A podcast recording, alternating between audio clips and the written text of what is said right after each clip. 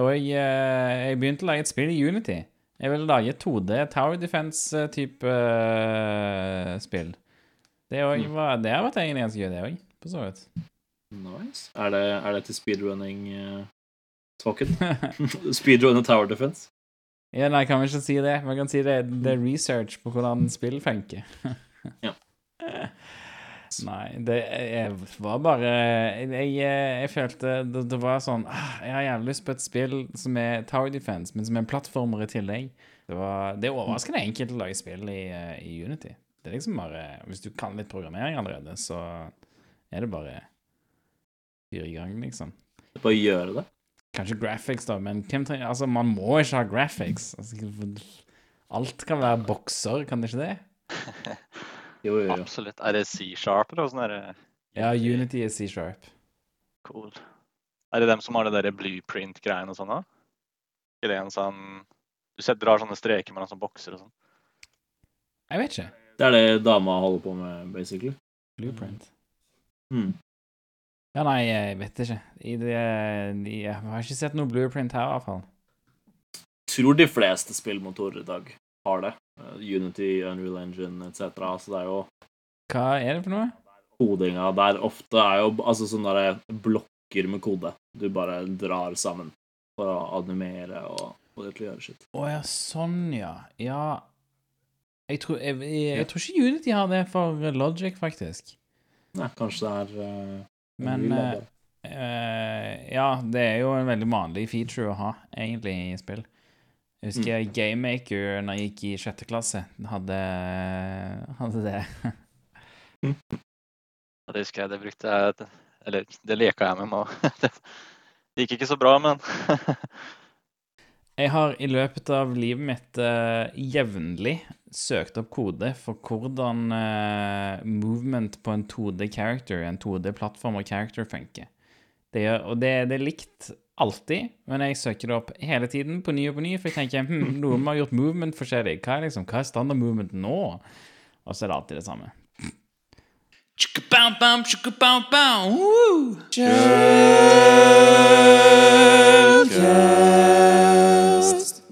Hei og velkommen til episode 0x22 av Shellcast. Jeg heter Vetle, jeg jobber som pentester. Du finner meg på Twitter som atbordplate. Jeg heter Eirik, jobber som penetrasjonstester, og du finner meg på Twitter som 0xsv1. jeg heter Henrik og jobber som penetrasjonstester. Og du finner meg på Twitter som at existence. Jeg heter Melvin, jobber som penetrasjonstester. Du finner meg på Twitter under handlet Flangvik. Jeg føler ikke det er så ofte jeg hører folk si penetrasjonstester. Ikke med mindre det er for eksamen. Det er deilig, da. Det høres ut som en dårlig sjekkereplikk. Det, Det, du- det, er, altså, det, det er så dårlig, jeg tror ikke det kvalifiseres som en sjekkereplikk engang. Det, det er ikke Nei. Jeg tror egentlig det er på kanten til sexual harassment, men Ja. ja. Halla, bebe, jeg jobber med å penetrere. Kan ikke jeg få levere en rapport på deg i morgen tidlig? Ja? Nei, det er ikke, nei, det er ikke lov. Det Ja, men det er det er, jeg kasta deg ut faktisk med en gang. Jeg, jeg ser for meg at det finnes et scenario der, der man blir spurt typ Man er ute på byen, og så blir man spurt hva jobber du med, og så sier du jeg er penetrasjonstester. Jeg ser for meg et scenario der man blir kasta Ja, ut av baren for å si det. liksom. Ja, ja, Det er, det er det verste jeg vet når jeg sitter i situasjonen jeg skal prøve å forklare noen som overhodet ikke er satt inn i noe som helst var- versjon av IT, hva jeg driver med. Det er sånn? Sikkerhetstester. Ja. eh, Nei, jeg, jeg sier bare jeg er konsulent, jeg. Jeg, gidder, jeg, jeg drar den helt generiske. Jeg gidder ikke engang. Det er Ikke sant? altså. Ja, ja, Skal ikke dra den på Tinder, i hvert fall. Det er ikke det jeg skal sette der. jeg er på entrasjonstester med sånn smirk. Ja. Da bare ber du om liksom 100 follow-up questions.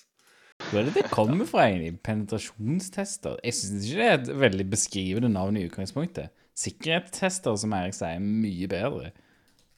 Syns det høres kjedelig Jeg liker penetrasjonstester, absolutt. Altså sånn, Jeg syns det, det er et artig og beskrivende navn, men uh, Jeg liker at det begynner med P. Det er alt. OK. det, er, det er et eller annet med det. Det er et eller annet med det, ja. Vetle liker P. The Big P. The Big P. PP. Står ikke noe på Wikipedia om hvorfor det heter det. Å, jeg mener det. Hvorfor Whatever, penetrasjonstesting penetrasjonstesting? Uh, ja, nei, jeg vil, adressere, jeg vil adressere noe som kom opp uh, i, uh, på Discord, og det, og det var dialekten min. Eh, så jeg vil, jeg, jeg vil bare Jeg vil adressere det, og så vil jeg si at eh, jeg kommer fra Stavanger eh, sentrum. Eller eh, jeg kommer fra Kjensvoll i Stavanger. Eh, jeg kommer ikke fra Tau. Jeg vet ikke helt hva forskjellen på Tau eh, er, og ikke Tau. Eh, men min dialekt i hvert fall er veldig, eh, veldig vanna ut. Nå er jo alle dere østlendinger, så dere, jeg føler ikke dere helt kjenner til det å flytte til Oslo. Ja, du er ikke og, og, utvanna i det hele tatt. jeg syns det det, det var gøy. Det var liksom noe som Altså, jeg føler når folk diskuterer hva slags dialekt man har, da føler jeg man har made it som podcaster. Da har de hørt på deg såpass mye at det begynner å synke inn, liksom. Skjønner. Men OK. Uh, jeg tenker vi bare beveger oss videre mot War Stories. Um, hvem uh, Hvem har lyst til å begynne med War Story? Velg meg, velg meg, velg meg. OK, Melvin, du står først i listen. Velg Melvin. Da reiser jeg meg opp, dere. Ja, jeg eh, Det er jo egentlig ikke altså, det La oss var... høre. Å, fy faen. Damn. Eh, så eh, Oi, blir ikke distrahert her. Han, han driver jo med Ja, han gir masse lyd. Skal, skal, vi, skal vi slå på mølla og podkaste, eller Erik? Skal vi gå? Skal vi kjøre? Jeg må ned i boden og hente kabelen. Jeg måtte bruke PC-powerkabelen her om dagen, faktisk. Så nei.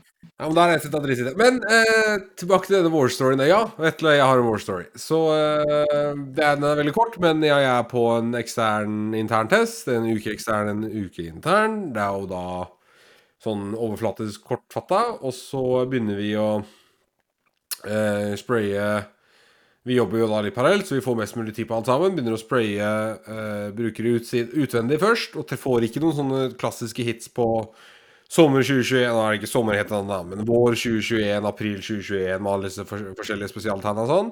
Eh, Stusser litt på det, for det pleier jo Det var et ganske stort selskap og ganske mange brukere vi traff, og det er veldig sjeldent vi liksom sprayer 400 brukere og ikke får ett hit på noen av de liksom ti toppvariantene der, da. Det er ganske uvanlig. Hmm. Eh, så vi eh, Så jeg begynner da parallelt med interntesten, for jeg er ren nysgjerrighet. Fyrer opp responder. Eh, jeg har aldri sett så mye renne inn på responder noen gang.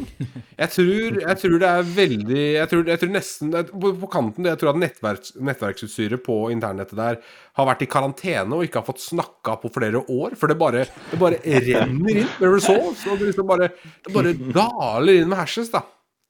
Så begynner du å få eh, downgrade av de til NTLM-V2, og da kan vi begynne å cracke dem relativt effektivt.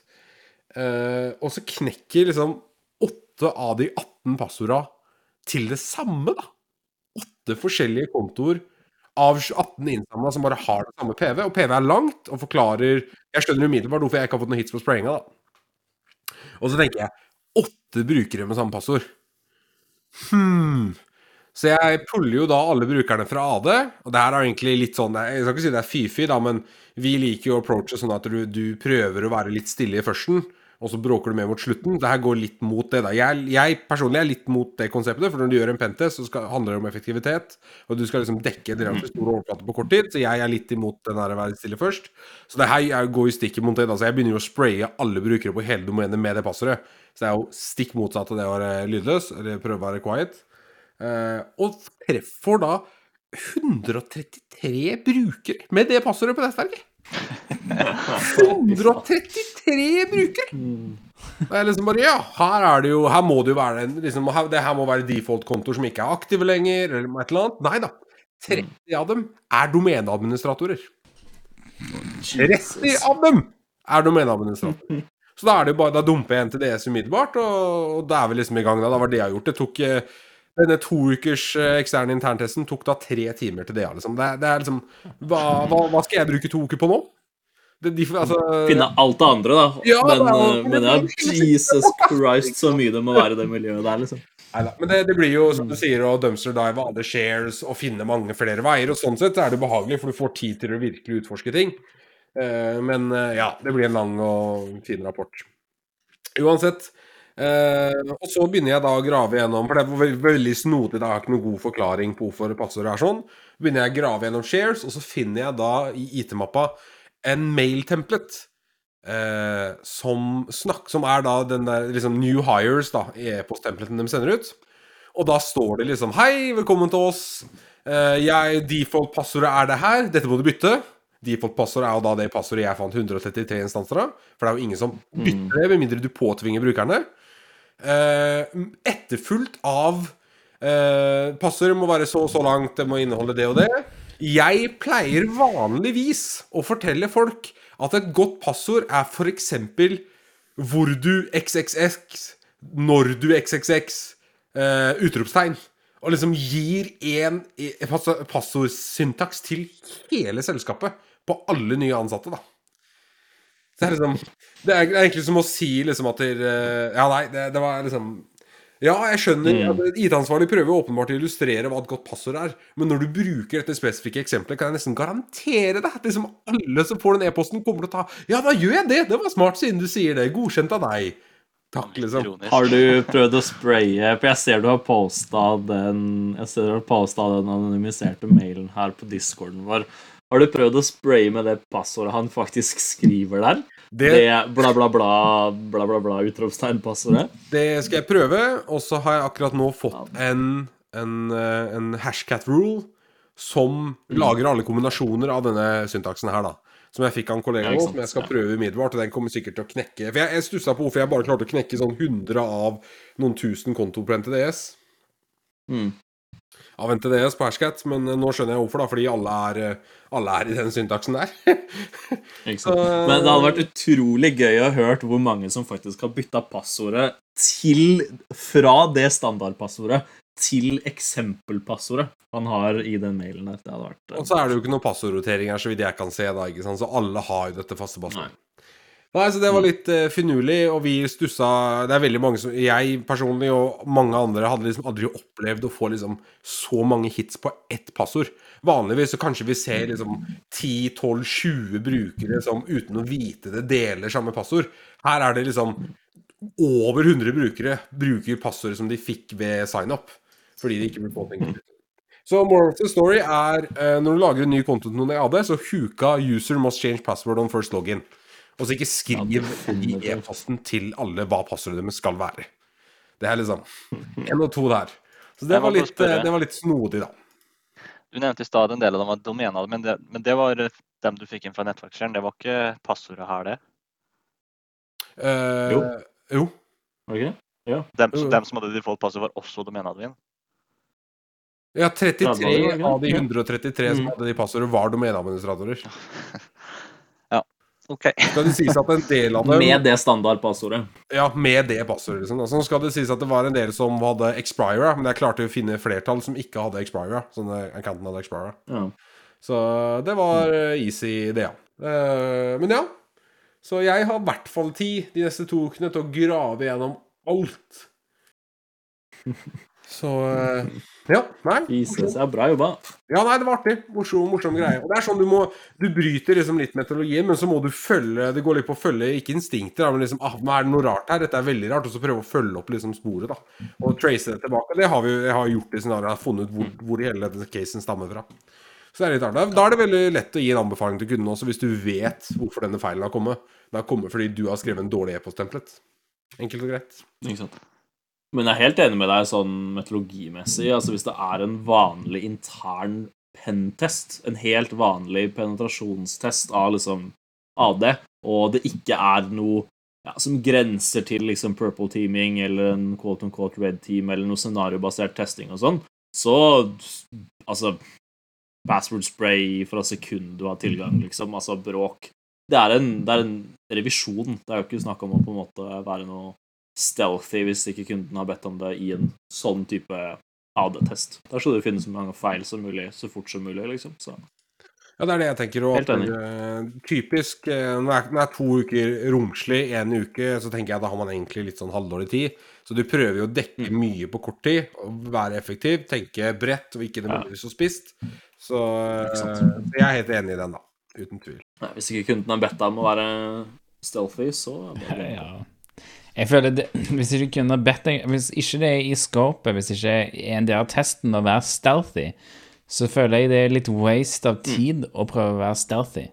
Fordi at Ja, det tar så mye tid. Det gjør det. Så, Ja, og, og i hvert fall mange kunder har jeg opplevd at de har ikke, de har ikke noe infrastruktur for å oppdage deg uansett, og all den stealthen du prøver å, å gjøre, får de ingenting ut av, da, sant? Eh, men det, det vil jo variere fra kunde til kunde, selvfølgelig. hvis de ikke vil at hvis, Altså, vi, vi, Henrik, har jo nylig hatt en kunde som har vært ærlig på at de ikke har hatt så mye deteksjon, men de har Det har vært Altså, det er jo den uh, red team engagementen, men de har jo da De vil jo at vi skal gjøre så mye stealthy vi klarer, for, sånn at SISO kan få et papir som sier Ja, fuck, her er alt vi faktisk ikke ser. Hør på meg, gi meg spenn til uh, MSSS-tjeneste, liksom. Ja, så- men sant, for da har du jo verdi. Da har, du jo, Ikke sant? Da har jo kunden, sant? sant? Mm. Ja, ja. Hvis du ikke vil det, så ja, spray alt du vil. Bort med stealth og DC only-flagg i Bloodhound, liksom. Ja, absolutt. AD-spray. Kjør på, finn mest mulig. Se med all the things. Jeg er jo veldig fan av Curb Brute, da. Det er jo awesome. Å, fantastisk. Mm. Så kan vel kanskje Henrik fortelle om uh, passordportalen. I et uh, veldig anonymisert uh, format. Ja, ja. Hva kan man si der, da? Um, vi har testa en kunde. ja, Hei, kunde. Det er det, du, det er det du kan si. Ja. Nei, hva gjorde vi? Vi, vi fant en Vi testa en kunde og fant en passordportal. Altså en webside hvor du kan resette passord. Eh, og alt du trengte for å resette passord, var ja, du, helt basic informasjon, liksom, som e-post og sånt. Eh, e-po- E-post og telefonnummer. Og telefonnummer, ja. Offentlig informasjon. Ja.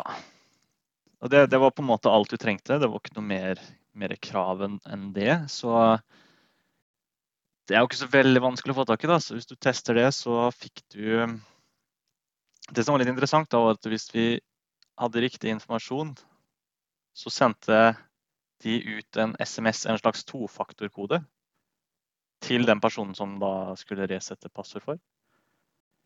Sånn at de måtte skrive inn den tofaktorkoden da, for å kunne resette passordet sitt. Men den koden, den sendte også serveren i responsen sin, som var litt interessant. Så du trengte strengt tatt ikke ha noen mobil. Å, herregud. Så altså en helt vanlig liksom tofaktor Altså en passordreset-side. Um, Passordreset.kunde.no. Um, som er en side som kunder av selskapet vi testet, kunne logge inn på for å bytte passordet sitt i sine tjenester. Og du fyller inn brukernavn, altså e-postadresse og telefonnummer, får en trofaktorkode på SMS, som Henrik sa. Eh, hvis du åpner Burp og ser på serverresponsen, literally bare etter at du fyller din telefon- e-post og telefonnummer og trykker send, så får du den samme to eller MFA-koden i serverresponsen. Så det er jo egentlig ingenting MFA. Altså, det er jo Jeg vet ikke hva jeg skal si. Det er jo Hvordan gjør du det? Altså, som en utvikler Det rulla sin egen MFA-løsning, liksom. Ja. Du må jo ikke Nei, jeg vet ikke. Du, jeg vet ikke hvordan du som Altså Hvis du har utvikla det her, så må du jo ha missa hele poenget, da. Altså Du skjønner hva jeg mener? De har nok godt missa det at Altså, det, ingen har sett på den funksjonen før utenom Eller denne siden, da. Utenom liksom de som har lagd det. Og så har den bare blitt rulla ut. Eh, og det skal jo sies, altså kunden det er snakk om her eh, Dette er jo en, så, altså, en hyperkritisk finding, så critical som du får det, med tanke på at det påvirker kundene til kunden igjen. Og via denne siden så kan du basically bli domeneadmin, altså bli hvem som helst i alle nettene til vår kunde, da, eller alle apper de har, alt mulig rart. Bare ta over alt med en gang. Eh, så de har jo tatt ned den siden, og den siden er fortsatt nede til de basically bare har fått bytta den ut med en ny funksjon. Så good on dem for å ta det seriøst. Men Ja, eh, håndterte bra. ganske bad.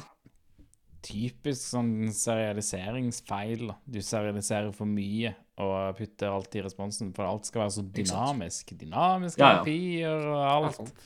Så da eh, skal hele objektet printes i responsen, sånn at, eh, sånn at klienten sjøl kan velge hva den trenger eller ikke trenger. Men det er Ikke sant? jo helt grunnleggende mangler i testing før produksjon, da, egentlig. Altså, hvem som helst web-sikkerhetstester hadde jo catcha det her, vil jeg påstå å si. Hvis Det er bare å, det er bare å åpne ja, liksom. Ja. Eller bare developer tools. Bare se på respons. Det lyser jo at det er noen som ikke At det ikke har vært noe form for testing av dette her før det gikk i produksjon. På den applikasjonen er ikke det. Nei, kan det Det er rart at ikke utvikleren har catcha det. Mm. Jeg, eh, Nei, det For alt du vet, Blir er det definitivt. til på laveste sum eller et eller annet. Altså, du vet aldri. Ja. Så jeg har lyst til å snakke litt om en annen eh, sårbarhet der også. Sånn etter alt. Det er jo et steg to. Ja. For det er jo en chain, ikke sant? Uh. Um, så når du først har fått resatt passord og fått tilgang, så kan du jo logge inn på en sånn self-service-side. hvor du har mulighet til å oppdatere profilen din. Og det som er når man oppdaterer den profilen, så hvis man har testa litt API-er sånn før, så har man sikkert sett i de standard Jason-objektene som ja, telefonnummer og alt mulig rart som fylles inn.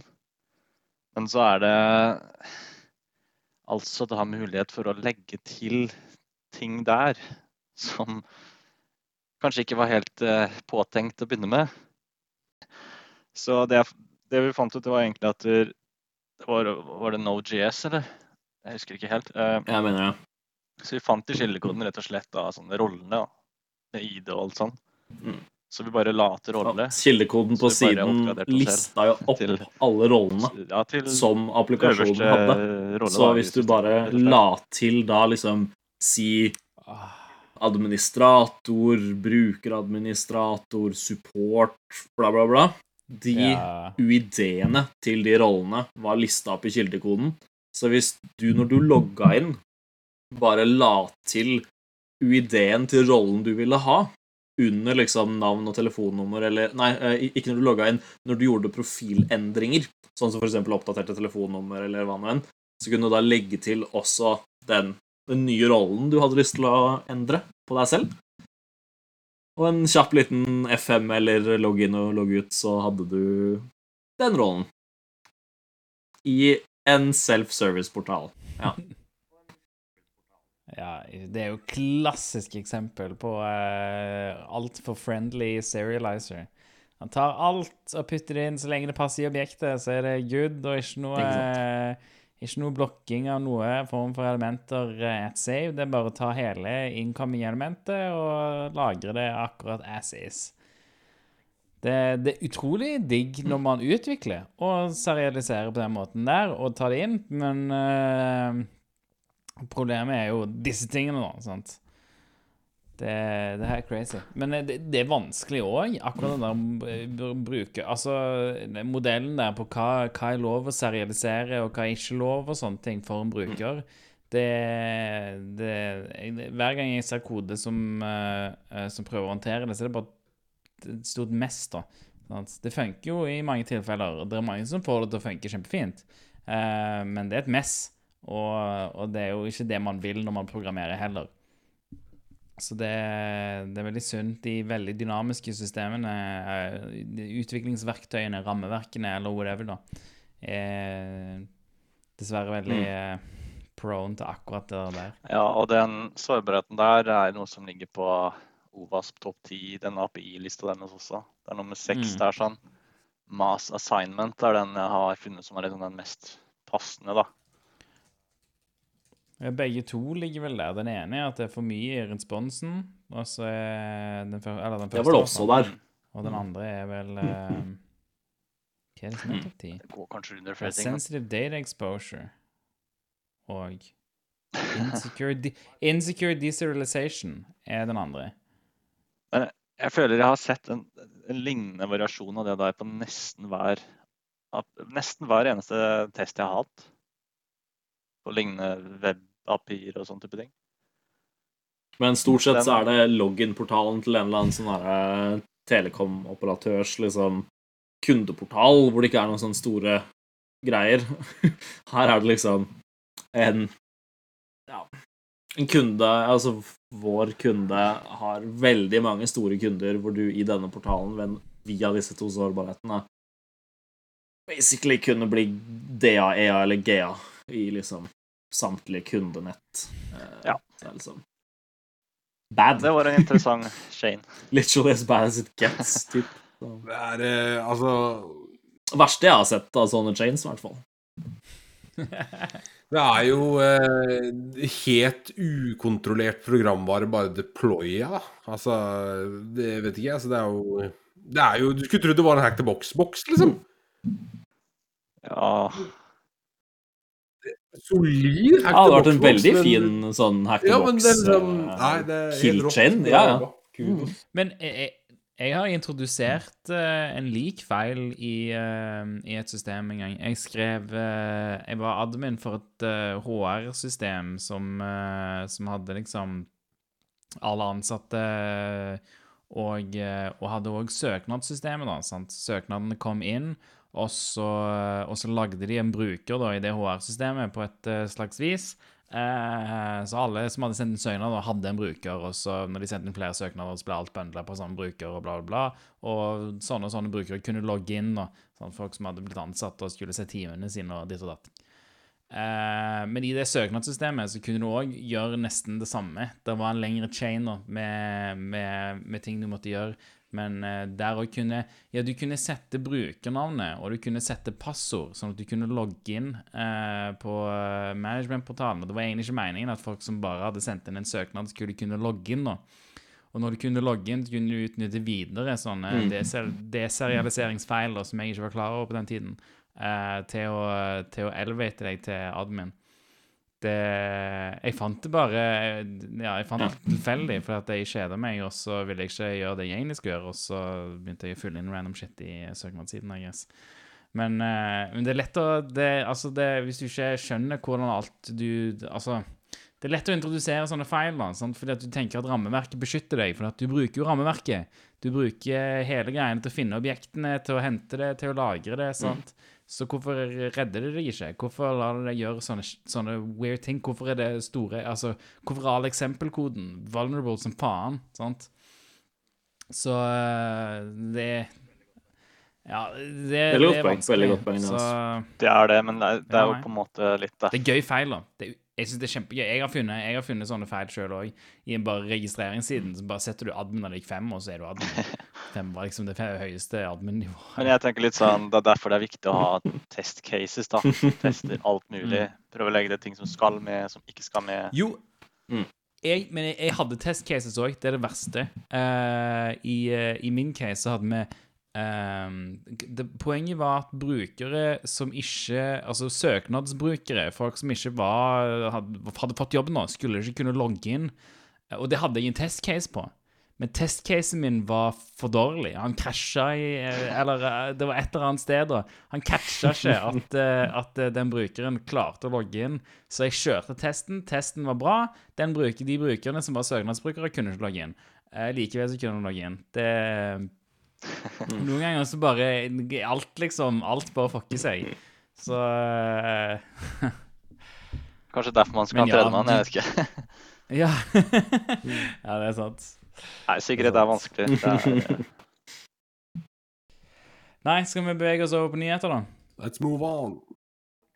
Let's go, let's go. OK, så vi begynner med en ny wifi blunder, Frag Attacks, som er et, eh, et navn eh, Hva var det tidligere? Det var en tidligere eh, wifi, gruppe med wifi vulnerability som var Ikke Frag Attacks, men det var et eller annet Crack attacks. attack eller et eller annet sånt? Crack. Eller frack, Ja, crack eller ja, ja, frack ja, eller sånt. Ja, Eh, Crack, tror jeg. Crack med K. Mm. ja stemmer. Stemmer. Så dette her, dette er en, en rekke eh, Det er tre design flaws eh, i, i VPA, alt opp til tre. Eh, med tre. Eh, og så er det en rekke vulnerabilities. Så, så uh, De har funnet en god del vulnerabilities i forskjellige rutere, altså Wifi access pointer. Og så har de òg funnet design flaws i selve protokollen. Så det er forskjellige ting, da.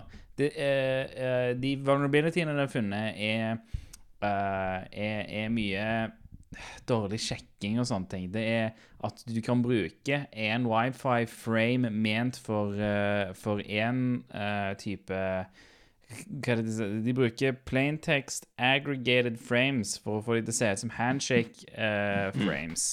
Um, som bypasser en del checks da, i, uh, i mange access points. Så det det er hovedsakelig de vulnerability, plaintext injection vulnerabilities. No, men Så- no, but actually yes. Type attack. Som de har i eksempelet sitt på siden. Stemmer, stemmer, stemmer. Så det, det, det er mye smart, eh, mye smart der. Designflows er vanskelig å utnytte. Det skriver de om alle. Eh, det er ingen av de som er veldig enkle å utnytte i utgangspunktet. Jeg har ikke, jeg har ikke lest meg opp på de for å forstå de nok til å kunne, kunne forklare hva det er for noe, men, eh, men eh, ja, det går på litt forskjellig. Det ene er mixed key attack, eh, fragment cash attack og aggregation attacks, da. Og de har en del eh, CV-er. Jeg har ikke giddet å lese de. Dette virker veldig uh, altså, Det er en ny vulnerability med logo, liksom. Jeg orker ikke lese meg opp på alle vulnerabilities med logoer uh, som har et uh, according white paper. White papers òg suger å lese. Det er det verste. Sånne scientific papers. Noen, de begynner på en ny, ny side, og så har de en figure. Og så av en eller annen grunn så er figuren på en ny side, men teksten fortsetter under den nye figuren. Jeg hater det. Eller science people kan ikke lage ordentlige dokumenter, tydeligvis. Skriv blogginnlegg, liksom. Her er det blogginnlegg, da, så jeg skal ikke klage. Skal sies for de av oss som ikke gidder å lese hele denne siden, eller se på Eller den videoen, faktisk, den har jeg sett. eh, Og hvis man søker på Frag Attacks på YouTube, Demonstration of Flaws, uh, den er veldig fin. Uh, Men det jeg skulle fram til, er at de har faktisk en talk på, på Black Hat eh, i år eh, om det her. Så det er, eh, det er sikkert spennende, og der går det jo i detalj på hva det er, og bakgrunn og research og sånn. Kan man se. Slipper du å lese, Vetle. Kan du bare se på de forklare for deg. Men her er det jo programmer, altså design flaws og programmeringsfeil, da. Igjen. Ref det vi akkurat snakket om. Ja, så OK. Men det, jeg tror ikke vi gidder å gå så mye lenger Det kommer i Airgeddon om noen uker, tipper jeg, så da er det good. Bare fyr av Airgeddon, så er det Det er de, Altså, de, oppdatere utdanningen er vel basically det det du vil gjøre. Eh, alle disse er rapporterte, alle vulnerabilityene. Det er en del CV-er attached. Og så design floor, så er det ikke så mye å tenke på, tror jeg. De, eh, de er vanskelige å utføre, så det er ikke sånn at eh, eh, noen kommer og utnytter de nå med en gang. Så eh, oppdater ruteren når det er relevant, er vel egentlig eh, det. Og hvis du er interessert i wifi-angrep, gå og sjekk det ut. Det er, alltid interessant hvis du, eh, hvis du ikke har lest så mye om wifi-stuff.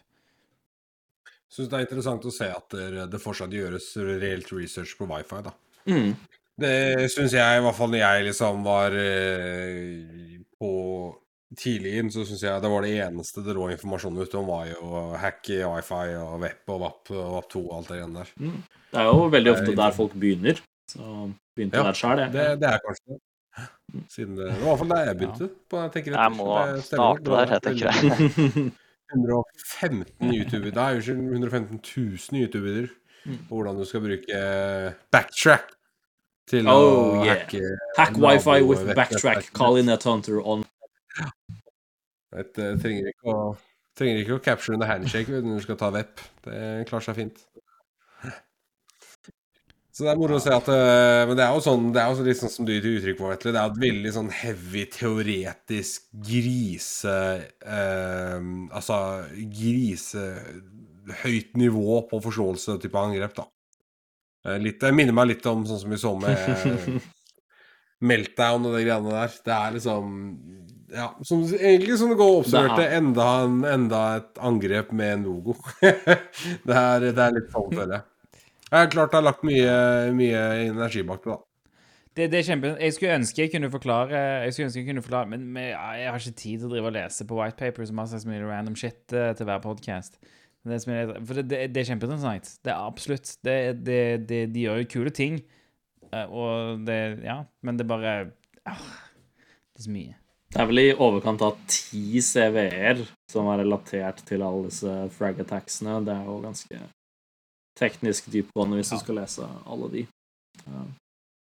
Yes. Nei, men eh, så videre i hvert fall. Eh, Så eh, Dette begynner å bli litt gammelt nå, men eh, presidenten av USA, Joe Biden, eh, han, han lagde en ny executive order, som det heter. Eller hva heter det på norsk? Jeg vet ikke hva det heter på norsk. Executive order om Wow, jeg bare, jeg bare uttaler det dårlig og dårlig for hver gang. Da- Executive En gang order til, så har du den. om Du har det, egentlig. Cup of the Gummer om, uh, om improving the nation's cybersecurity. Så, eh, så det er, det er da en executive order som handler om å eh, Ja, hvordan da de skal fikse mye av cybersecurity i USA. Det virker for meg som en rar ting å ha som en executive order, men jeg forstår ikke hvordan det funker, tydeligvis. Du har ikke lest white paper på det heller? Så det får være greit. Nei. Jeg men jeg har lest halvparten av Executive Hey! Order Summary. Ikke selve Eh, executive order, men av- summaryet av den. Sorry. jeg, begynte, jeg begynte, men uh, Tenkte du, fy faen, jeg har andre ting å forstå. Ja. og så hadde de også, the, the Whitehouse.gov har en oppsummering i tillegg, som jeg òg begynte å lese på. Mm. Men den er noe lang. Eh, og jeg, jeg kjeder meg i et punkt inni der. Så, uh, men jeg, jeg, jeg, bemerker meg at de nevner både IT og eh, OT, uh, som er operational technology, eller industrial IoT for noen. Um, så, så det er jo bra, og det òg er jo redd- Altså, det kommer jo fra denne Colonial Pipeline-hacken, sant. Det var jo det alle sa og akkurat idet Colonial Pipeline eh, ble tatt ned, og det var åpenbart at det skjedde, så var det sånn Åh! Eller så så jeg flere tweets, i hvert fall, om at eh, og folk var sånn ah, Kanskje USA bryr seg nå? Kanskje nå bryr, bryr man seg, når oljen blir eh, Men det her har jo vært long time in the making med, med alt som har skjedd med USA de siste par årene. Du har jo hacken på Det demokratiske partiet, eh, du har jo SolarWinds, du har FireEye Alle de statlige Mm. organene i USA, og, og ikke i hele verden, selvfølgelig, som ble tatt av både FireEye og SolarWinds. Altså disse er jo eh, sammenlignende her, men hvis man bare sier SolarWinds sakene, og så har de jo Colonial Pipeline nå, eh, sikkert dusinvis vi ikke vet om, og ja, det, det skjer jo masse ransomware-angrep og lignende noe hele tiden i, i USA. Uh, Russland og Kina er jo ikke akkurat uh, De er ikke stille i angrepene sine, og det er liksom Det er litt sånn OK, ja, uansett hva dere prøver med uh, i diverse krigssoner og embargoer på allierte stater av de og alt mulig rart, så er det bare sånn Ikke, ikke prøv dere. Vi, vi er her allerede. Um. Slapper de on the wrist uh, i tide og utide fra Putin. Det er, jo, det er jo det det er. Det er jo Hver gang de prøver seg med et eller annet, altså Så kommer de og bare slapper de på håndleddet og sier nei, ikke, ikke prøv. Uh, så de, de må jo gjøre noen ting, uh, definitivt, og det er jo ja, about time. Jeg syns vel den var det var 90 dager, 180 eller 90 dager eller noe sånt, som var altså maksfristen, er jo noe modig, eh, men det er jo en måte for Biden å få I hvert fall få noe gjort. Altså, hvis de får gjort liksom Jeg, kan se for meg at hvem den som har drafta det her, er fornøyd. Si, si at det er 100 punkter. Eh, bare drar jeg et nummer ut av stumpen. Men eh, hvis det er 100 punkter, da, og de får gjort 15 av de i løpet av de dagene, så er jo det mye bedre enn ingenting, liksom. Bare pga. tidspresset. Mm. Det er flere tids... uh, uh, noe? Timelines uh, her, skal du si. Deadlines. Blant annet ja, 60 dager òg. Da skal Update existing agency plans to prioritize resources for the adoption and use of cloud technology. talk about doing stuff. Der er, så det er, er flere Ja, ja, ja, det er flere ting de skal, skal gjøre. Absolutt, absolutt, de får gjort noe. Du kan ikke, du kan ikke flytte alt av driften din over til cloud på 60 dager. Nope. Håper, altså, Med mindre du har veldig lite drift, da. Uh, så det er, der er mye. Men, men de nevner òg uh, Biden nevner, eller hvem nå enn de, de, de som skriver disse ordrene, de nevner òg at det er uh, recent cybersecurity incidents such as SolarWinds, Microsoft Exchange and the Colonial Pipeline. De har skrevet det spesifikt. Så det, det handler om SolarWinds, eh, Hafnium og, og Colonial Pipeline. Det, det er det som har trigga dette, da, virker det som. Uh, Colonial Pipeline being the last straw. Ja, det, det, det må jo være uakseptabelt for det som ja, vil kanskje ikke si tidligere var den sterkeste cybernasjonen i verden, men de blir i hvert fall bølla med mye. eh, og liksom det er, altså, det er jo geopolitikk, og hvis noen har lest den uh, Hacker in the State-boka som jeg anbefalte for, uh, for litt siden, så det, det, det er som å lese den boka, liksom. Uh, for hver gang det skjer en, en eller annen sånn, hva skal jeg si Fysisk-politisk ting i forkant av G20-møter, eller noen tråkker på noens leiesoldater i en eller annen krigssone de egentlig ikke er involvert i, så er det liksom sånn ah, OK, dere gjør det, og så slapper vi det litt eh, med cyberstuff, og så tar de igjen på hverandre. Sånn. Og når, når de blir slappa så mye som de har blitt gjort det siste året, eh, så må de jo gjøre noe. Så jeg tenker det her er eh, å gjøre en hva som helst er bedre enn at det fortsetter. Ja, det, det, altså det, det er kjempegodt at de har ja, at de legger en plan for det nå. Og, altså det, det, og det er jo veldig treigt. Altså alt av dette sikkerhets...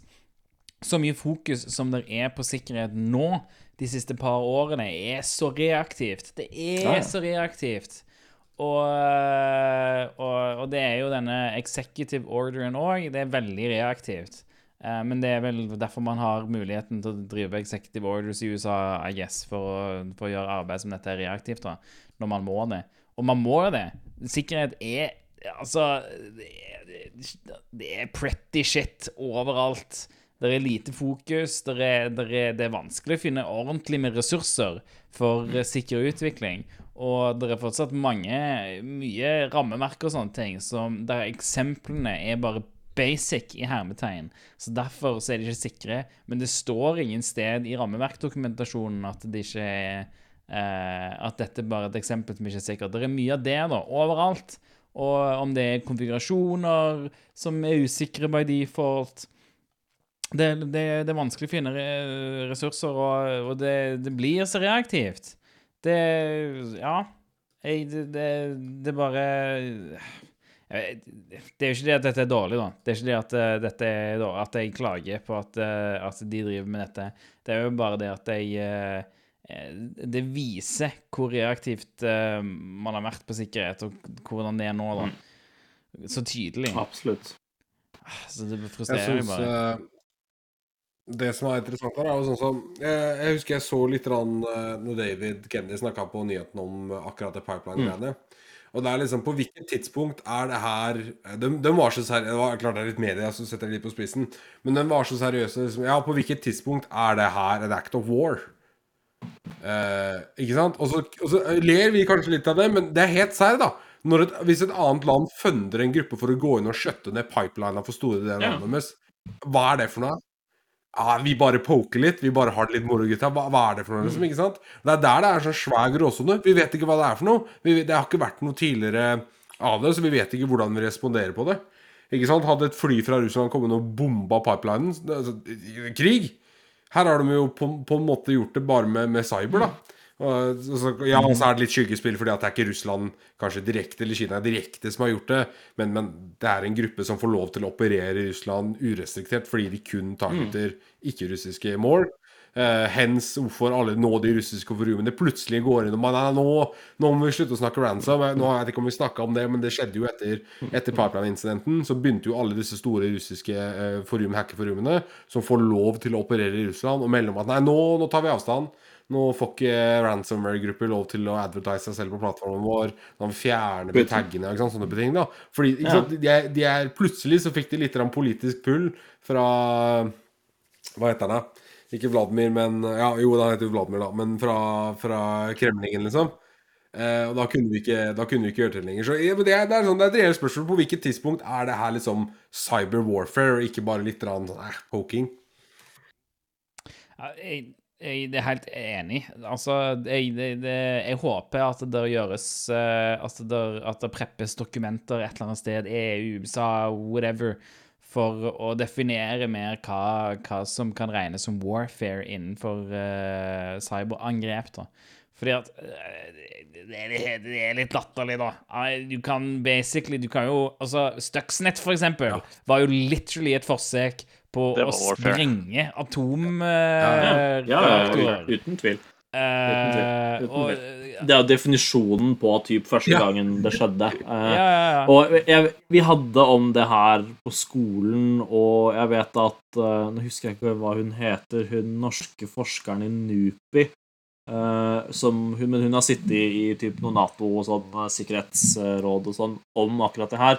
Og det er definert. Det er bare, jeg tror bare at en av de liksom sånn laveste triggerne er typ at noen dør, ikke sant? Eller det må være i correlation med at eh, altså noe blir sprengt, og så krysser en eller annen kis grensa. Uh, ellers er det liksom sånn nesten umulig for de å kalle det en act of war.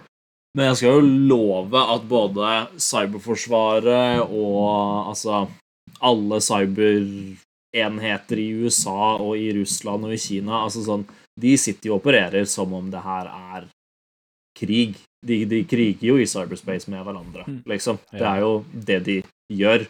Eh, eneste er at ingen offentlig tør å gå ut i nyhetene og si det, men eh, hver gang de på en måte stopper en eller annen reaktor, eller stand, tilfeldigvis stanser en eller annen dam i to uker, og bare sitter og liksom fucker med hverandre sånn, eller en, eller en pipeline, eh, så blir nok det i eh, typ liksom, Skal vi ta et norsk eksempel, da?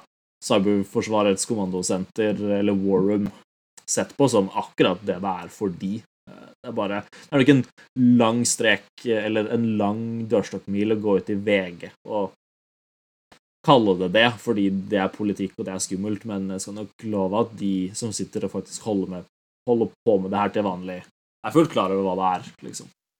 Jeg tenker OT har jo veldig veldig stor påvirkning på mennesker.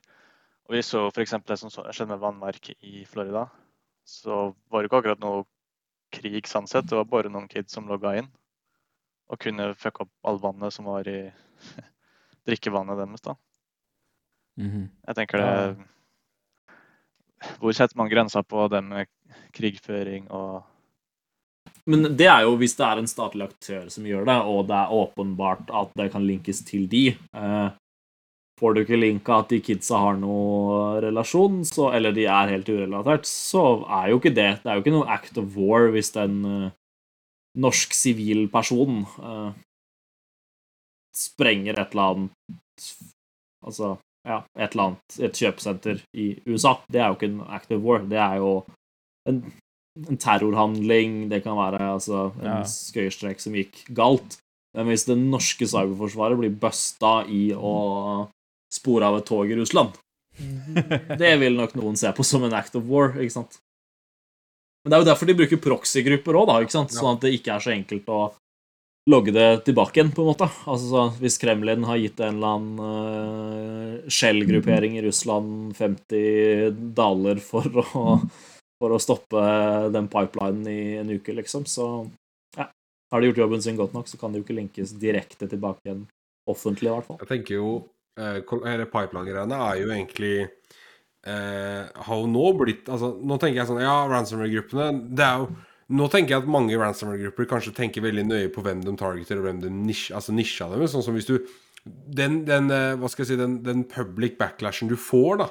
Sånn som En ting er hvis du targeter et selskap som ingen quote on quote legger merke til er nede og må betale seg ut, ikke sant? Alle legger merke til når en jævla pipeline skjøtter ned.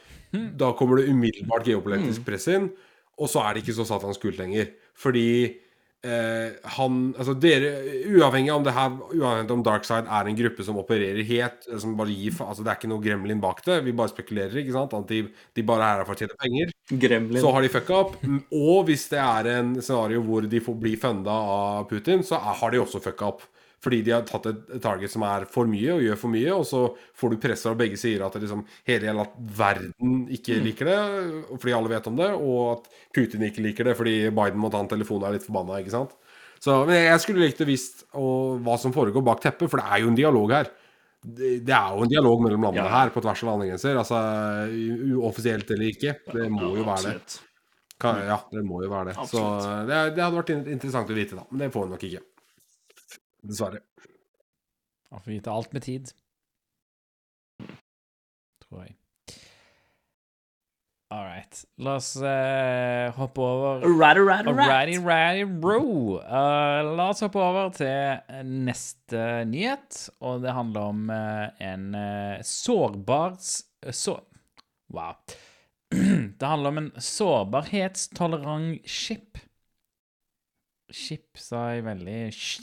Det er en, eh, en chip som eh, kjører på en RISC-arkitektur, eh, som eh, eh, hindrer en rekke control flow-angrep, da. Sant? Så buffer overflow, return oriented programming, alt av de greiene der, det er, er det meningen skal eh, kunne være tolerant mot, da. Sant? Uh, og eh, det var veldig interessant. De har hatt et event der uh, jeg lurer på om det var rundt uh, ja, 580 eh, forskere i hermetegn, har jeg lyst til å si, eh, som har prøvd å hacke den chipen. da. Eh, eller hacke software som har kjørt på chipen, som har hatt known vulnerabilities. da.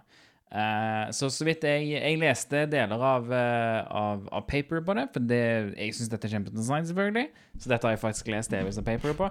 Der er, Det her ga du, ja. Mm. det er mye unødvendig i å lese white papers.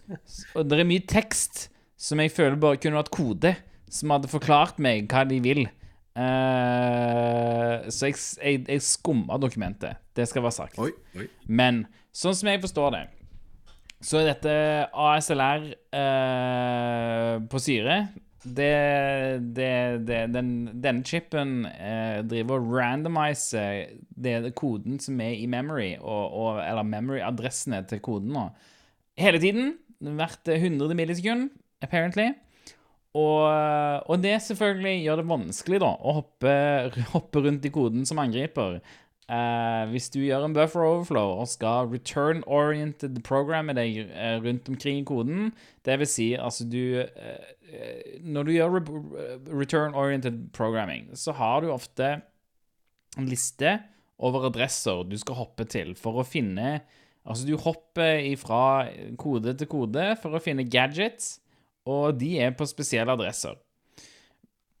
Hvis chipen driver og randomiser alle adresser i koden hele tiden, ikke bare er koden randomized når han starter, men han randomises hvert 100 millisekund, da er det litt vanskelig å compile en liste over adresser du skal hoppe til i koden for å utføre diverse greier. Så eh, Så åpenbart, dette beskytter jo ikke mot SQL injection. Har du SQL injection, SQL injection funker ikke i, i det hele tatt på et control flow-nivå.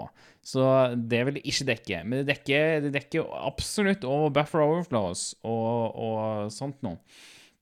Um, og uh, det de gjør det med, er at de Så dette er litt spesielt. Eh, for jeg tenkte i utgangspunktet hvordan randomiser du kode? Du kan ikke bare randomise kode. Hvordan i alle dager skal noe av dette funke i det hele tatt? da, sant? Koden du kjører, må jo nesten vite hvor funksjonen man skal utføre, er. Ellers kan han ikke hoppe til funksjonene. Uh, og, og det chipen gjør, er at han, han tar undefined behavior. Sant? Du har mye så, så, Sånn som hvis du skriver utenfor størrelsen på et array, så er det undefined behavior. Hvis du har arrays i C som er fire bytes, åpenbart hvis du skriver til Hvis du skriver seks bytes til det arrayet, så det er undefined behavior. Så denne chipen tar undefined behavior og gjør det super fucking undefined ved å bare putte ting randomly everywhere. Super fucking Super fucking undefined. Det, det er Hvis du skriver seks bytes til et byte på fire, et array på størrelse med fire, så skjer det eh, bare random shit. Um, det krever jo òg selvfølgelig at du bruker deres uh, compiler. Så, så her er det Det er en kombinasjon da av en chip de har lagd, og compileren. Compileren er nødt til å tagge deler av minneområdet. Eh, og det er sånn chipen vet hvordan han skal randomise riktige ting, da. Fordi at compileren har tagga memory-områdene. Så uh, hvis du skulle hatt denne chipen, da, si du hadde hatt denne chipen og du, du kunne kjørt Linux på den, uh, så måtte alle programmene du kjører, være compiler med deres Morpheus-compiler, da. For at, eh, for at eh, du skal få effekten av disse mitigationsa. Men det er fortsatt god research fordi at det viser hvordan du kan gjøre dette.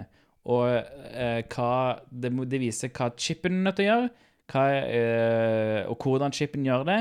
Og så viser det hva compileren eh, må ha da, av støtte for det. Så, så dette er, det er jo litt sånn som Astro òg. Compilerstøtte. Du må ha compilerstøtte for å ha ASLR. Så, og det kommer jo. De aller fleste programmer eh, de fleste av oss kjører i dag, kjører med ASLR. Eh, Så, så det kommer jo med tid, da. Sant? Men, eh, men her, her krever det både chipstøtte og compilerstøtte. Og, det, og denne chipen, denne Morpheus-chipen, kommer selvfølgelig ikke til å være publicly available med det første. Og ja, det er jo en testchip. Eh, så det vi må håpe på, er jo, er jo at eh, type noen sånn som Microsoft eller Qualcomm eller Apple da, Uh, bruker disse teknikkene til å, å implementere det i sin egen kode. Jeg ser for meg veldig fort at dette er noe Apple gjør. Apple har vært veldig tidlig på sånn, sånn greier som dette her. Uh, og siden de kontrollerer så mye, da, så tror jeg det, det har vært uh, interessant å se jeg, jeg tror veldig fort Apple kan være de første som gjør det, fordi at de har så god kontroll på sin chip, eh, sin compiler, sitt OS, all that jazz. Um, men det er litt besides the point, da. Interessant artikkel, i hvert fall. White paper. Jeg skulle til å si Ville den klassisk Eller nå er ikke jeg noe minnemann, da, men uh, ville teknikken sånn som å liksom finne en base-adresse som faktisk eksisterer, og så bare bruke offsettet fra det, fortsatt fungerer, i det konseptet der? Vel, poenget er litt at du kommer ikke til å klare å finne den base-adressen i Men hvis du hadde gjort det, så hadde du klart Eh. å finne offsettet. For offsettet mellom funksjonene vil jo fortsatt være likt, selv om minneadressene Mm, ikke nødvendigvis. Sant? De kan være tilfeldige òg. alt kan randomizes. Så, eh, så, så hvis du finner én funksjon, så er det, det er nok ikke godt nok. Du er nok nødt til å finne flere funksjoner. For det er ikke bare, det, Den randomiser ikke bare adressen. Det er ikke sånn at den bare tar den virtuelle adressen og randomiser det. For det òg kunne jo funka kjempebra. Men, uh, men den randomiser litt alt, da. Uh, funksjoner i hele pakken. Så har den fortsatt alt det andre gamle teknologien. Og Jeg tenker på Canary Tokens og alt det andre gamle defenses. Jeg, eh, de, de hadde bare eh, De hadde bare tatt eh, LLVM-compileren og lagt til sin egen modul på det, så jeg regner med at alt av sånn Canary tokens og sånt eksisterer fortsatt i det. Eh, Jeg tror ikke de har tatt vekk noen mitigations. Det er spennende. Spennende. Sjukt. Jepp.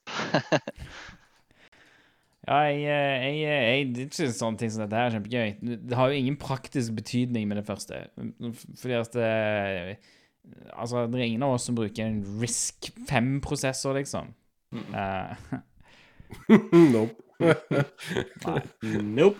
Så, så det, det, det er god research. Research er kjempeviktig, og det er det som, det, er det som skjer før, eh, før det blir en del av uh, ja, consumer available chips. da. Men, uh, men dette er absolutt noe det, Dette er jo òg mulig da, for noen. Dette er jo kjempemulig å, å ta og bruke i veldig spesifikke servere. sant? Hvis du har en, en spesiell server som du er sånn Shit, den, den må protectes som bare faen. eh, med det beste av det beste. Så kan du ta denne chipen her, compile programmet ditt eh, gjennom denne Morpheus-greiene, hvis det er støtta av LLVM, eh, og, og kjøre det. Jeg regner med at de har en fungerende versjon av, Linux på det òg. Men, men sånn som jeg forsto det, altså hvis du vil på denne, så kan du òg kjøre kode som ikke er protecta av det. For jeg forsto det sånn at du er nødt til å compile det med den Morpheus-compileren for for at den skal ha denne protectionen. Ellers så vil jo ikke chipen vite hva kode som er hva. Den ser jo ikke forskjell på om noe er, er kernel-kode eller eh, Eller hva det er for noe. Ja, altså Jo, men nei, Ja, men nei, men jo, men nei. på en måte. Jo, men nei. Jeg ser jo det er sånn 580 forskere og 13 000 timer, og ingen har klart å bryte den. Spennende. Jo, sant. Men OK, det, og det òg det òg betyr egentlig ingenting. sant? At ingen har klart å bryte Altså, hvis Nå vet ikke jeg hva, hva, hva disse forskerne ble, ble gitt, da. Hva slags kode ble de gitt for å kjøre? Ble de gitt liksom precompiled binaries med liksom Å, dette er buffer overflow uh, vulnerability. Prøv å utnytte den. sant? Og så er det, det et program på liksom 115 kilobyte som nesten ikke har noe gadgets. Du kan nesten ikke teste en drit. Så, selvfølgelig kan du ikke bryte, liksom, bryte det da. Så uh, hvem vet, da? Spørsmålet er jo hvor fort det knekker når det kommer Altså når, når noe sånt blir publicly available, ikke sant, og hvem som helst får satt seg ned og brukt 1000 timer på det. Når vi får det, vet du. Ei, når Vetle får det. Vetle fikser det fort, vet du. Og Vetle, ja, Vetle kommer til å knekke den. Se for deg en helg, kanskje. En god helg. Ja. Ja. jeg, tror, jeg tror disse researcherne fikk eh, 48 timer på seg på et For det òg kan man si, da. sant? Dette ble gjort på en eller annen, en eller annen konferanse der, eh, og som gikk over 48 timer. Og så er det 580 forskere som prøvde Jeg vet ikke hva det vil si heller. Eh, De, de var innom Høres jo litt sånn skripta ut til å ikke Ja, ja, du vet jo aldri om det var folk som bare var innom for å sjekke ut hva dette er for noe, prøvde seg på en linje, og så gikk de, liksom. Um, så Jeg glemmer at den streamen til Melvin, jeg. Når han tar den. Mhm. Ja, ja, jeg tar det. Fikser det. Ja, ja. Eller noe, kanskje. Ja. Nå, nå på søndag, eller? ja, ja. Umiddelbart. At Flangvik på, på Twitch på, på søndager. Shout-out. Hver søndag jeg har streama Dette blir den 13. streamen, tror jeg. Søndag. Hver søndag klokka ni så streamer jeg et eller annet relatert til Infosec. Bra For, Segway, eh, Henrik. Ja. Content marketing, det her. Rett og slett. Nei, skal vi snakke om sjefen din, eller, Vetle? Ja, den nye sjefen din. Sjefen din har jo Altså, her har hatt den lenge, vi har jo visst det en god stund, men du har vel offisielt begynt i Covert, har du ikke det nå? Jo, det er sant. Det er sant. Det ble annonsert på LinkedIn, og jeg fikk eh, 2000 eh, mer eh, aktivitet på profilen min. Det var et veldig fint bilde. For eh, Ja, bra skjerf. Bra skjerf. Ja, jeg er veldig stolt av det. Ja, Hadde du ikke skjerf på det Skjerf? bildet? Har jeg skjerf òg? Nei, nei, nei, nei, nei, nei, nei. Jeg er ikke det, nei. nei, nei, nei. Det er ikke det. det, det du tenker Ja, på, du tenker på. Facebook-profilen min. På LinkedIn, på LinkedIn så har jeg bilder av meg sjøl med en uh, sånn uh, trollmannhatt. Jo, jo. Nei, jeg tenkte på det bildet som var brukt i artikkelen. eh, som Covert påstod. Der du skjerf, vet du. Ja, ja, blått skjerf har du på den der. Ja, ja, ja. ja, Mhm, ja, ja. Det er det skjerfet jeg ja, tenker nei, på. nei, jeg tenker på profilbildet mitt. Ja, på LinkedIn. Det har den, vet du. Det er også fint, selvfølgelig. Det fine bildet jeg sikta til her, var Ja, jo, takk. Jo, takk. Ja, og det er bare fine bilder. Det finnes Det ikke det, dårlige altså. bilder, vet du. Mange fine Men bilder, jo, den casen som jeg eh, Hva skal jeg si hinta til her, er jo at uh, vår, egen i Shell og din nå nye sjef, holdt jeg på å si, Martin eh, Ingesen fra Covert, har jo blitt Han ble jo nevnt i Digi på en litt sånn artig sak. Uh, hvor Diggy hadde ringt opp Martin og Åh, sorry, men husker jeg ikke hva han heter. Han, eh, han som har de artige eh, han som, eh, Roar Thon, det er det du heter, fra Nasjonal sikkerhetsmyndighet, som har de artige postene på Twitter, holdt jeg på å si. Yes. De ble jo Hæ? Jo, han har, Streaming, han har noe podkast også. Ja, det er veldig mye bra det? content. Det var ikke ment som noe negativt. Jeg tror han har kjører der. podkast, gjør du ikke det? Jeg har jo også Dere mener jo at det var rettet mot meg, men det har jo også blitt nevnt i en av disse Twitter-postene hans. I hvert fall en eller annen sånn innsidemann Sveen, eller hva Hva det var han kalte meg. Um, men jo, de har jo blitt kontakta, eller ble kontakta som uh, cybersecurity-eksperter. Uh, angående en post som Krebs on Security, eller Brian Krebs, hadde lagt ut, uh, som var så fint tittelen Legg inn russisk språk på PC-en din, så kan du unngå mye skadevare. Uh, og det er jo litt sånn clickbait-artikkel, spør du meg, men uh, det er jo et sånt triks man har kjent om en stund, på en måte i litt mer sånn mimete infosec, Twitter-kanaler, og det er jo litt sånn sannhet i det. Det er jo kjent at både vi som hva skal jeg si, skriver en del malware og custom tools og environment checks sjæl. For det er jo det det er. Det er jo en environment check som sjekker om Altså, noen russiske malware devs her på spesielt ransomware dette eksempelet har jo lagt inn en environment check i malwaret sitt som If uh, ruski language do not run, uh, rett og slett. Uh, og det er jo det som er greia her, at hvis du har Hvis malwaren oppdager russisk språk installert på Windowsen din, så vil den ikke kjøre på samme måte som i en litt mer voksen red team, at man f.eks. har inn environment check på kundens domene, f.eks., eller en user agent osv. osv. Uh, hva tenker dere om å installere russisk på maskinen? Vetle, jeg regner med at du har gjort det. Det er vel company policy nå? jeg har uh, allerede russisk på telefonen og på PC-en, tror jeg. Men det er fordi at jeg, jeg uh, av og til bruker Duolingo på russisk, fordi jeg blir inspirert til å lære meg russisk, og så mister jeg inspirasjonen ganske fort, egentlig. Jeg lærer sånn to ord i året, så når jeg er 90, så kan jeg eh, Sjæl. 80 russisk. Så du har det faktisk òg. Da? Oi, ja. Det er i hvert fall ikke pga. browsingvanene mine. Det er derfor du aldri får noe virus. Henrik lurer på hvorfor ikke Ja, det er for at du ikke får noen napp, Henrik. Du må slutte å kjøpe Ja. Du må slutte å bruke de default eh, Eller slutte å kjøpe ting for credits på sånn exploit in og, og raid-forums og sånn. Ja, jeg betaler jo Hver gang jeg skal ha en ny konto på Exploit In, så betaler jeg bare Vetle for å skrive en russisk søknadstekst. søknadstekst. Jeg kommer inn liksom. Riktig. Ja, men det hadde vært oppriktig kult å lære seg russisk. Jeg bare tror ikke jeg har eh, eh, ork i kroppen til å gidde. Det hadde vært fett. Mm. Det er liksom veldig kult. Du kan russisk, og du er på watchlista til PST samtidig. Det er jo Ikke sant? dritkult, liksom.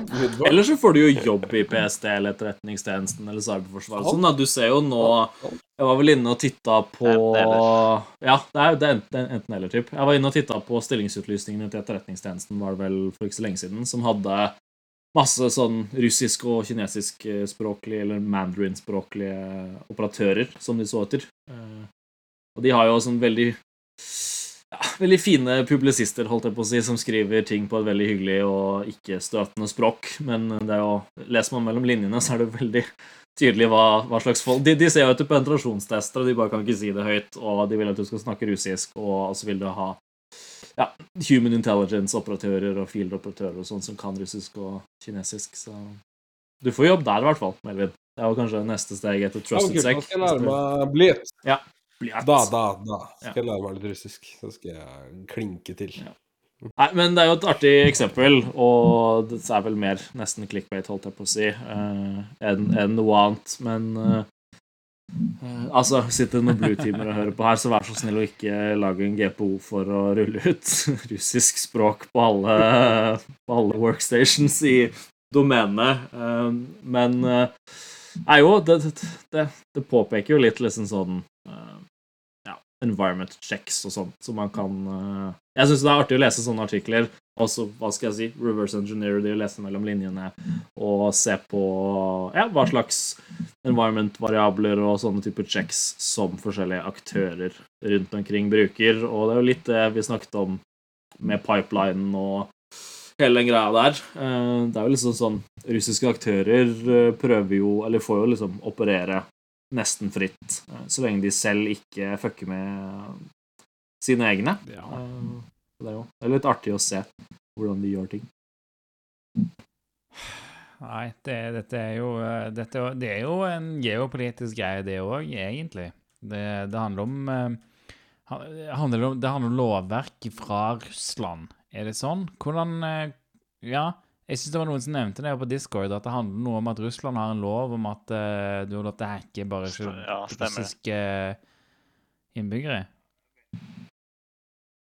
Ja, jeg vet, jeg vet ikke hvor hvor lang Altså om det er noe direkte på en måte i straffeloven i Russland, eller om det er noe eh, hva skal jeg si mutert urban legende, men jeg har hørt den før også, at du ikke blir på en måte Altså Om det nok ikke står direkte i loven, så er det liksom Det er sånn Det er helt innafor. kjør på. Altså, de har jo ikke etikk på ingeniørskolen, for eksempel, og sånn, og det er jo mye derfor du har uh, hissige russere på in internett. Uh, det er nok sånn innafor, bare sånn innforstått regel om at uh, ta alle andre, bare ikke oss. Men jeg vil nok ikke tro at det har så veldig stor effekt på om uh, på om man installerer russisk eller ikke. Det, som, som Martin også påpeker i artikkelen her, og som vi har snakket om tidligere også, så er det sånn Når vi gjør litt mer sånn scenariobasert testing og red teams og sånn, så bruker man jo veldig mye tid på å gjøre forarbeid og osint og passe på at kanskje fyret har liksom en litt mer eh, generisk payload før man går videre i nettet og begynner med lateral bevegelse og liksom skreddersyr ting. Og det er jo det angriperne gjør også før de liksom fyrer av ransomwaren. Det er jo ikke sånn at de deployer ransomware ved første payload, stort sett. Jeg tenker jeg, Det fins vel motsatt over. Det gjør det jo garantert. Ja, ja, ja. Det... Men sånn generelt sett så- er nok ikke det en sånn universal uh, forsikring. Nei. Og så er man jo på en måte inne, da. Jeg tenker Ja. Komme så langt, så kanskje noen andre problemer man bør prioritere først. Ja, Nei, jeg har egentlig bare tastaturer på alle land eh, på min maskin. Alle language packs. Jeg hater å komme borti eh, kontroll alt. Eller kontroll Ja, det skjønner jeg. Har du kinesisk og russisk, så er du ganske godt covra, tenker jeg. Får aldri ransomware, da. Noe virus i det hele tatt. Nei. Mye bedre enn Defender når det kommer til å defende fra antiviruset. Ja. Mye bedre. All right. Da tenker jeg vi, vi runder av med litt eh, Shell Resources. Um, I dag vil jeg highlighte Dumping Plaintext RDP Credentials from svchost.exe fra Noopy sin blogg på noopy.io. Um, et aggressor script som lister alle tilgjengelige Cobalt Strike Beacon-kommandoer og highlighter de eh, i farge basert på type. Det heter Help Color. Det ligger på GitHub fra Outflank NL. Og så er det How to exploit active directory ACL attack paths through LDAP relaying attacks. Det ligger på praetorian.com. Og så shells.systems unveiling DNS stager, a tool to hide your payload in DNS. Det ligger på shells.system. Alt dette finner du i shownotes, så gå og sjekk der. Og så, før jeg, eh, før jeg avslutter helt, så, så vil jeg nevne at vi har en kanal på Norsex sin Discord. Og eh, jeg gjorde det til tittel i shownotes. Jeg vet ikke hva jeg gjorde, jeg bare dro, dro noe et sted. Ok, der, ja. Mm, nå har jeg manuset mitt. Så Hey. når du har joina i discorden, gå til information-kanalen, klikk på mikrofonet i rolleposten for å tildele deg rolle, sånn at du får tilgang til Shellcast-kanalene. Uh, og lenke til discorden finner du òg i shownotes. Det ligger helt på toppen. Ellers så vil jeg bare si takk for at du har hørt på denne episoden av Shellcast. Hvis du har noe bidrag eller noen spørsmål, vil du at vi skal fortelle en war story for deg? Dette har jeg sagt hver gang nå. Hver gang vi avslutter. Vil du at vi skal fortelle en war story for deg? Har du noe kult du har gjort på jobb? Har du noe kjedelig du har gjort på jobb? Uansett, har du noe du har gjort på jobb? Har du dratt på jobb i dag? Send oss en mail. Gjør du noe på jobb? Send oss en mail på podcast.5h3ll.sh. Eller, eller, eller du kan til og med skrive til DM-ene våre på, på Twitter er helt tomme. Det er ingen som har sendt oss noen der noen gang. Så hvis du heller vil Det er det, men noe ikke på det. Er det sant? Eh, Ja, ja. Oh, ja, ok. Nei. Så eh, du kan sende oss noe på Twitter òg. Der òg kan vi ta War Stories. Det er helt anonymt. Vi defaulter til anonymitet. Vi forteller ikke hvem du er. Eh, med mindre du spesifikt ber om det. Så eh, send oss noe. Så da vet du det at hvis vi nevner uh, alias noen, så er det fordi de er sjukt oppmerksomhetssyke og vil ha masse attention og ba som det. Ja, eh, Vi nevner òg alias som regel hvis folk har skrevet noe på Discord, i og med at det- Discord er basically public. ja Helt enig. Så eh, takk for oss. Uh, vi lyttes igjen uh, neste uke. Eller uken etter. Det kommer det an på hvor fort eh, når ting spilles inn og sånt. Flangvik streamer på Twitch klokken ni på søndager. Får det Ja. med seg. Ja, ja, Ja. ja. be det med deg. Vi må plugge det i hvert fall to ganger i løpet av hver podcast nå, tenker jeg. Minimum. Minimum. Ganger, ja. Uten tvil. En ting jeg har tenkt lenge på nå, er eh, Vette har en blomst og en eh, vannkanne i vinduet sitt. Ja. Det har han. Jeg bare syns det er veldig, veldig koselig. ja, nei, det tenkte jeg òg. Det, Det sammen med liksom uh, piano og gitar i bakgrunnen. Jeg føler jeg, føler jeg har en veldig eh, vennlig bakgrunn. Ja, det vil jeg si. Ja. Har du, jeg har jo Veldig. barneseng stående bak her nå. Kommer uh, anytime soon. Oi. Er det ikke sant? Oi. Der, der, der. Det Bubbe. The BB. Det er spennende. Det blir det. Nei, egentlig så vil jeg ha Jeg vil ha en sofa her. Og så vil jeg Casting couch. noe ved. Vel det, det blir jo en casting couch med en gang den er i kamera. Mm. Så eh, men, men jeg vil òg ha en TV over uh, skjermen jeg har nå. Sant? Mounta på veggen her. Mm. Så, jeg kan liksom Så du liksom kan få- Ja, og så når jeg møter, sånn, så kan jeg sitte i sofaen. Og, eh, og så har jeg møte på der, og så har jeg kamera òg. Jeg må ha kamera òg. Det var kult. Expense si på sånn, da- Du vil ha skjerm der så du kan hele tida se hvordan kameraet ser ut, sånn vinkelen og sånn, liksom, så du kan du slipper å ja. Jeg vil ha, jeg vil ha eh, TV også, sånn at jeg kan sitte i sofaen og ha møter. Å ja, nå skjønte jeg vitsen. Der kom den. Jeg skjønte vitsen idet jeg sa det, men uh, jeg, følte, jeg måtte fullføre setning nå før jeg uh, Før jeg var ferdig. Oi, oi, boys. Hey, jeg har en computer account. Wow. Wow. Var det NTLM Relax, eller? Med... Jo, det var det. Og jeg fikk også Resource Based Constraint Delegation på den maskinen, for det var en computer account som uh, Nice. Sånn er det når du multitasker litt, når du jobber og spiller inn podkast. Det, er- det er ikke noe stress. Det er ikke noe stress. Working, nei, working class Wow. hero. oh. Det jeg hørte akkurat den pønnen der, det er -hmm. Det er ikke noe stress her, altså. Takk. Jeg gleder meg så sjukt til å se folken til Eirik. Ja, det blir bra. Det blir gøy. Ungen, altså. Sjæl. Ja, ja. Foregår ikke noe annet her.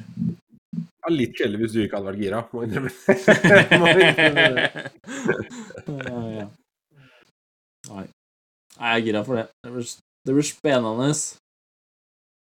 Rett og slett. Det blir mye kursing framover med sånn tacticalbabygear.com uh, babycarrier. Du skal ikke kurse babyen, altså? Jo, jo, jo. Jeg fikk jo godkjent, jeg fikk jo godkjent Black Hat-training i stad, så det blir jo definitivt å stå med, stå med poden uh, og holde på med det, si. Ja, nei, kiden òg må lære seg å hacke. Ja, ja, ja. Det skal bli sånn father-son-greie. Nå skal vi, skal vi hjem fra barnehagen, og så skal vi hacke ting. Vi skru fra hverandre Skru for hverandre alle sånne dårlige leker med Bluetooth og Wifi og kameraer og sånn. Vi vil ha, vi vil ha OK, nå må jeg lære meg Hvordan i helvete er det jorda gjorde SU Er det SOX da, når det er S og 4U? Det er det, vet du. Mm. Er det? Nei, da kjører du bare GTSPN, du nå, så får du en uh, ticket, og så kan du bruke den. Ja, for du har, ja, det var maskinaccount, ikke sant? Mm. Ja, det Så da er det bare get ST. For unconstrained. Jeg er imponert over multitasking skills, altså. Jeg hadde ikke klart det. Hva sa du for noe? Han hører ikke etter, ikke sant? Det er jo det. Altså, han det er det. multitasker ikke. Han, gjør, at, at jeg å jobbe han med serien, eller deltar på én ting og gjør en helt annen ting samtidig. Ikke, dere Han kjører- være sånn? Det er to, for, to helt forskjellige threads med null intercommunication. Jeg threader opp huet mitt litt. Mhm. Ja, nei, det, det er sant. Det finnes egentlig ikke noe menneskelig multitasking. Det er basically det det multithreading med priorities. Mm, faktisk. Vi er ikke noen sånne kjempeflinke til å